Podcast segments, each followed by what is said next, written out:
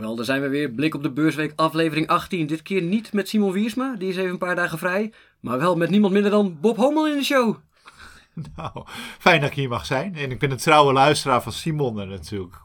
Uh, en ik moet, uh, moet je eerlijk zeggen, hij is uh, veel beter op de hoogte van de echte actualiteiten dan ik. Maar ik hoop ook wat te kunnen vertellen. Wij gaan er gewoon een goede show van maken, Bob, sowieso. Niet voordat ik even het volgende doe. Wat ik eigenlijk nooit doe en wat ik ook liever niet doe. Maar ik ga om stemmen vragen, jawel. Want uh, ING is genomineerd voor de Cash Cow Publieksprijs. Nou, mocht je nou vragen wat het is, de link vind je in de show notes. Maar ik wil al onze luisteraars, hè, ook namens Bob, oproepen om op ING te stemmen voor de Cash Cow Publieksprijs, de grote beleggingsprijs hè, van Nederland, laat ik het zo even zeggen. Uh, check dus de show notes. Gewoon eventjes indienen. Uh, stem op ons. Gewoon even een vakje aanvinken. Meer is het niet. En je kan ook nog eens een keer een dinercheck winnen. Cash Cow Publieksprijs 2023. ING eigenlijk de enige logische winnaar. Dat is dat. Um, Cash Cow. En laten we dan doorgaan, want de formule van de show blijft, hè, ondanks de absentie van Simon, blijft hetzelfde. Dus we gaan eventjes kijken naar de komende beursweek, hè, want er gaat genoeg gebeuren. Cijferseizoen is begonnen. Ja. Macrogebied is altijd wel wat te melden, maar Bob, nu je er toch bent, gezellig op visite in mijn studio. Hoe bekijk jij nu de markten op dit moment? Nou, het is echt heel rustig. Hè? Je zit denk ik al uh, een hele poos uh, in een soort trading range waar eigenlijk onderli onderliggend wel, wel dingen gebeuren. Maar uh, de beurs niet echt in, in beweging komt. Op, op zich is het um, over het jaar best goed. Hè? We hadden even die bankencrisis tussendoor met een dipje. Maar intussen staat de AEX weer meer dan 10% in de plus dit jaar. Is daarbij wel, denk ik, de, de best presterende beurs in, in de wereld. Andere Europese beurzen blijven er ietsje bij achter. Um, en het komt denk ik waarom die beurzen wat opgelopen zijn, omdat de rente wat naar beneden is gegaan. Hè. Die, uh, het gaat met heel veel beweging gepaard. Hè. De volatiliteit, zoals het heet, de beweging op de rentemarkt, is nog nooit zo groot geweest als, um, als dit jaar. Maar per saldo is hij toch wat aan het, uh, aan het zakken. En dat heeft te maken met dalende inflatie. En dat zag je denk ik deze week ook weer terug. Hè. Uh, in Amerika daalde inflatie nog steeds 5%. Maar het is toch ook weer ietsje onder de verwachting, die ook al van een daling uitging. Maar het daalde iets uh, sterker dan, dan verwacht. Vanochtend hadden we de Nederlandse inflatiecijfers. Nou schommelt nu rond de 4,5. Nog steeds te hoog, hè, maar wel duidelijk lager dan de 8, 9 procent van, uh, van twee maanden geleden. Dus op zich een goede ontwikkeling. En nou ja, de meeste luisteraars weten het waarschijnlijk. Als de rente daalt, worden aandelen relatief aantrekkelijker, omdat het nou een alternatief is hè, voor rente. Maar ook omdat, een beetje ingewikkeld misschien, maar in het aandelenmodel worden toekomstige winsten verdisconteerd tegen die, uh, die rentevoet. Um, en als ik dan wat, wat vooruit kijk, zeg ik ja economisch gezien, of inflatie daalt, ook de economische cijfers, die tot nu toe iedere keer meevielen, hè, want iedereen heeft het al heel lang, eigenlijk al een jaar lang over een recessie, die tot nu toe niet, uh, niet komt. Nu zie je toch ook de arbeidsmarkt in Amerika bijvoorbeeld wel enige scheurtjes vertonen. Dus uh, dat het economisch een keer wat minder gaat, ja, dat komt er echt wel aan. En dat zit denk ik ook wel in de prijzen. Uh, en dat die prijzen kunnen in mijn ogen prima op dit uh, niveau blijven omdat die rente tegelijkertijd wel daalt. En ook omdat de bedrijfswinsten, waar we het zo misschien nog uh, over gaan hebben, wel iets terugvallen, maar niet zo heel zwaar. En dan vind ik heel veel bedrijven nog best wel goedkoop. Als je kijkt bijvoorbeeld naar, de sector die zo onder vuur ligt, uh, financiële waarde. Verzekeraars, waar eigenlijk niks mee aan de hand is, die, die vallen helemaal buiten de banken onrust. Ja, als je dan ziet dat die 7, 8% dividend ge geven. Als je naar de Nederlandse verzekeraars als NN, uh, ASR, Egon uh, uh, kijkt. En dan ook nog 2 à 3% voor hun aandelen per jaar inkopen. Ja, dan heb je meer dan 10% shareholder return. Dat is best wel heel veel. Ja. en dus ook als de winsten dan ietsje terugvallen. Ja, dan valt het dividend dus terug naar van 8 naar 5. Ja, wat is het probleem? Dat is nog steeds lekker, er is niks mis mee. Hey, je haalt toch even de bank ook aan. Um, we hebben natuurlijk het hele SVB-verhaal gehad. Dat is nu een beetje, hè, die angst is nu uit de markt. Hoe kijk jij er nu tegenaan een beetje naar de stand van zaken?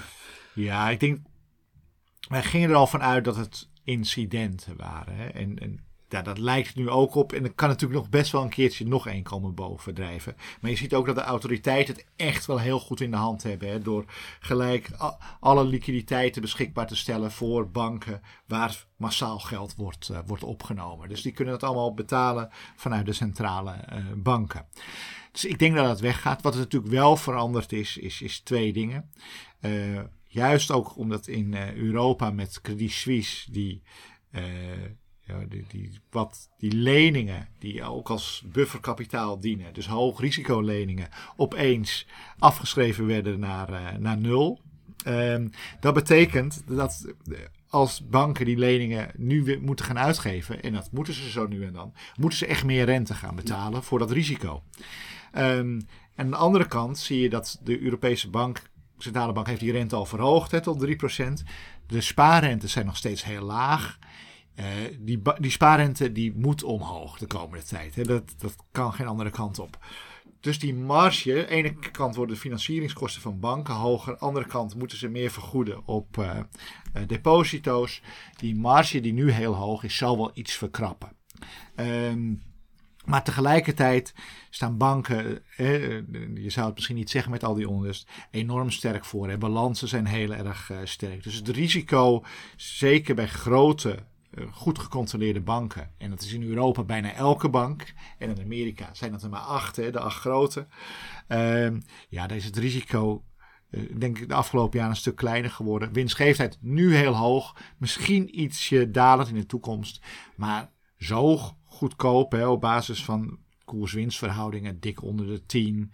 Uh, dividendrendementen van boven de 6%. Ja, dat, uh, en die komen volgende week gewoon een hele reeks met cijfers. Hè? Goldman Sachs, Bank of America. Volgens mij begint het morgen al. Hè? Morgen, Morgan, inderdaad. Ik, dus, het is donderdag dat we dit opnemen. Dus inderdaad vrijdag de eerste namen.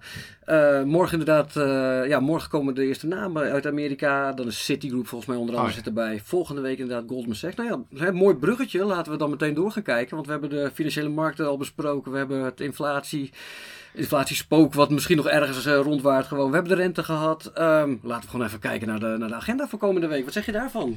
Nou ja, dus een hele hoop bedrijfscijfers. Die banken, denk geen gekke dingen. Wel de tradinginkomsten van banken kunnen misschien wel een beetje tegenvallen, omdat juist omdat die beurs misschien zo vlak is hè, um, de afgelopen, uh, afgelopen tijd.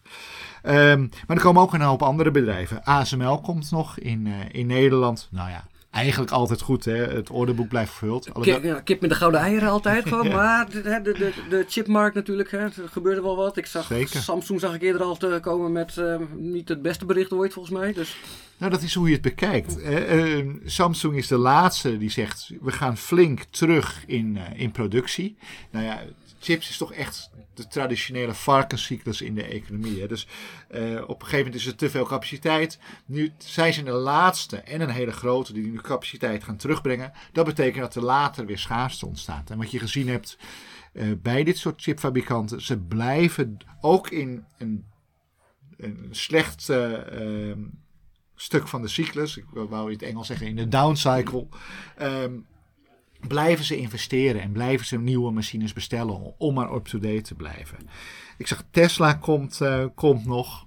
Ook altijd spannend. Alhoewel ja. die, uh, die heeft al aangekondigd dat ze een aantal auto's wat onder prognose uh, zat. Maar goed, wel even goed om te zien wat de margeontwikkeling daar is. Hè? Ja. want ze konden altijd heel veel van hun rechten, uh, CO2-rechten en zo, uh, emissierechten verkopen aan andere automobielfabrikanten. Die nog, maar ja, nu andere automobielfabrikanten ook zelf elektrische auto's maken, ja. hebben die dat minder nodig. Natuurlijk.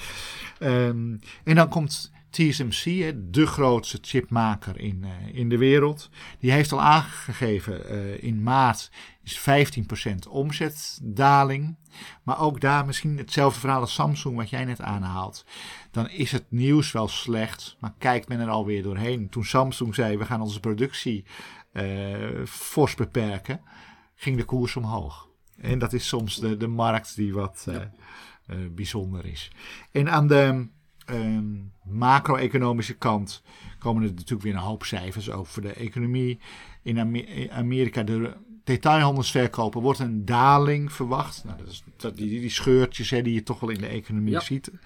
Um, En uh, inflatiecijfers uit de, de, EU, daar wordt nu 6,9% verwacht. Vorige maand was dat nog uh, 8,5%.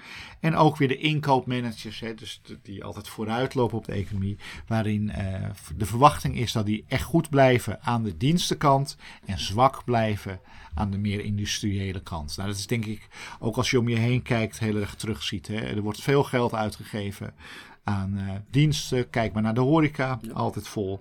En op dit moment wat minder naar spullen. Dus misschien nog even de reactie ook op corona. Hè, toen we ons helemaal volgeladen hebben met rotzooi. Ja. En niks konden. En nu is het andersom. Samenvattend dus, interessante cijfers komen onze kant op. En toch de recessie, die, je, je kijkt er niet raar van op, kan ik het zo samenvatten, als ja. die toch komt. Ja, klopt. Maar ik, zie, ik zie me helemaal niet zo diep worden. Nee. En in, in die cijfers, misschien nog over die cijfers. Wat je uh, ziet, is dat je in uh, Amerika stijgen de omzetten nog wel, maar heb je wel te maken met winstdalingen al van een paar procent, wat nu verwacht wordt. Uh, over het algemeen vallen cijfers trouwens meestal mee bij de verwachtingen. Dat wordt ook wel gestuurd door het bedrijfsleven. En in Europa zie je nog dat en de omzet en de winsten stijgen. We lopen er wat achteraan. Hè. Wat je denk ik in Amerika al gezien hebt is na die prijsverhogingen uh, die je gehad hebt, is er een loongolf geweest die nu in de marges van bedrijven vreet. Vandaar die winstgevendheid die ietsje zakt. 2, 3 procent. Het is niet heel dramatisch. Dat komt in de tweede helft van het jaar ook in Europa terug. Je ziet hier nu de cao's afgesloten worden. Ik zag nog vervoer. Ja. Deze week 15 procent, meen ik. Ja, dat, dat gaat wel impact, uh, impact hebben. Marges waren ook heel hoog. Die, moest, die zijn al, nou, anderhalf jaar denk ik aan het teruglopen. Maar die hebben nog wel een stukje te gaan. Zonder dat het in mijn ogen dramatisch wordt. En dat geldt ook voor die recessie. En dat je een keer een stapje terug doet is prima. Maar ik zie niet een iets op gang komen waarbij iedereen zo depressief wordt dat hij helemaal geen geld meer uitgeeft. En een cyclus komt van meer werkelozen, nog depressiever enzovoort. Uh, dat zie ik op dit moment in ieder geval nog niet. Een gezonde recessie, laat het zo noemen. Ja, en een, een gezonde recessie zou in mijn ogen een recessie zijn waarbij de werkgelegenheid gewoon best wel goed, goed blijft. Ja. He, want dan heb je misschien wel iets krimpende economie, maar daar heeft niemand. Uh, nou ja, er zijn altijd mensen die er last van hebben, maar uh, daar hebben niet mensen er massaal last van. Bob, dankjewel. We zitten alweer door onze tijd heen. Uh, vond je het leuk om te doen? Ja, ik vond het heel leuk. Mag ik nog een keer komen? Ja, ja mag zeker nog een keer terugkomen. Altijd leuk om met je te praten over de beurs, over beleggen, wat dan meer. Hartelijk dank voor je komst.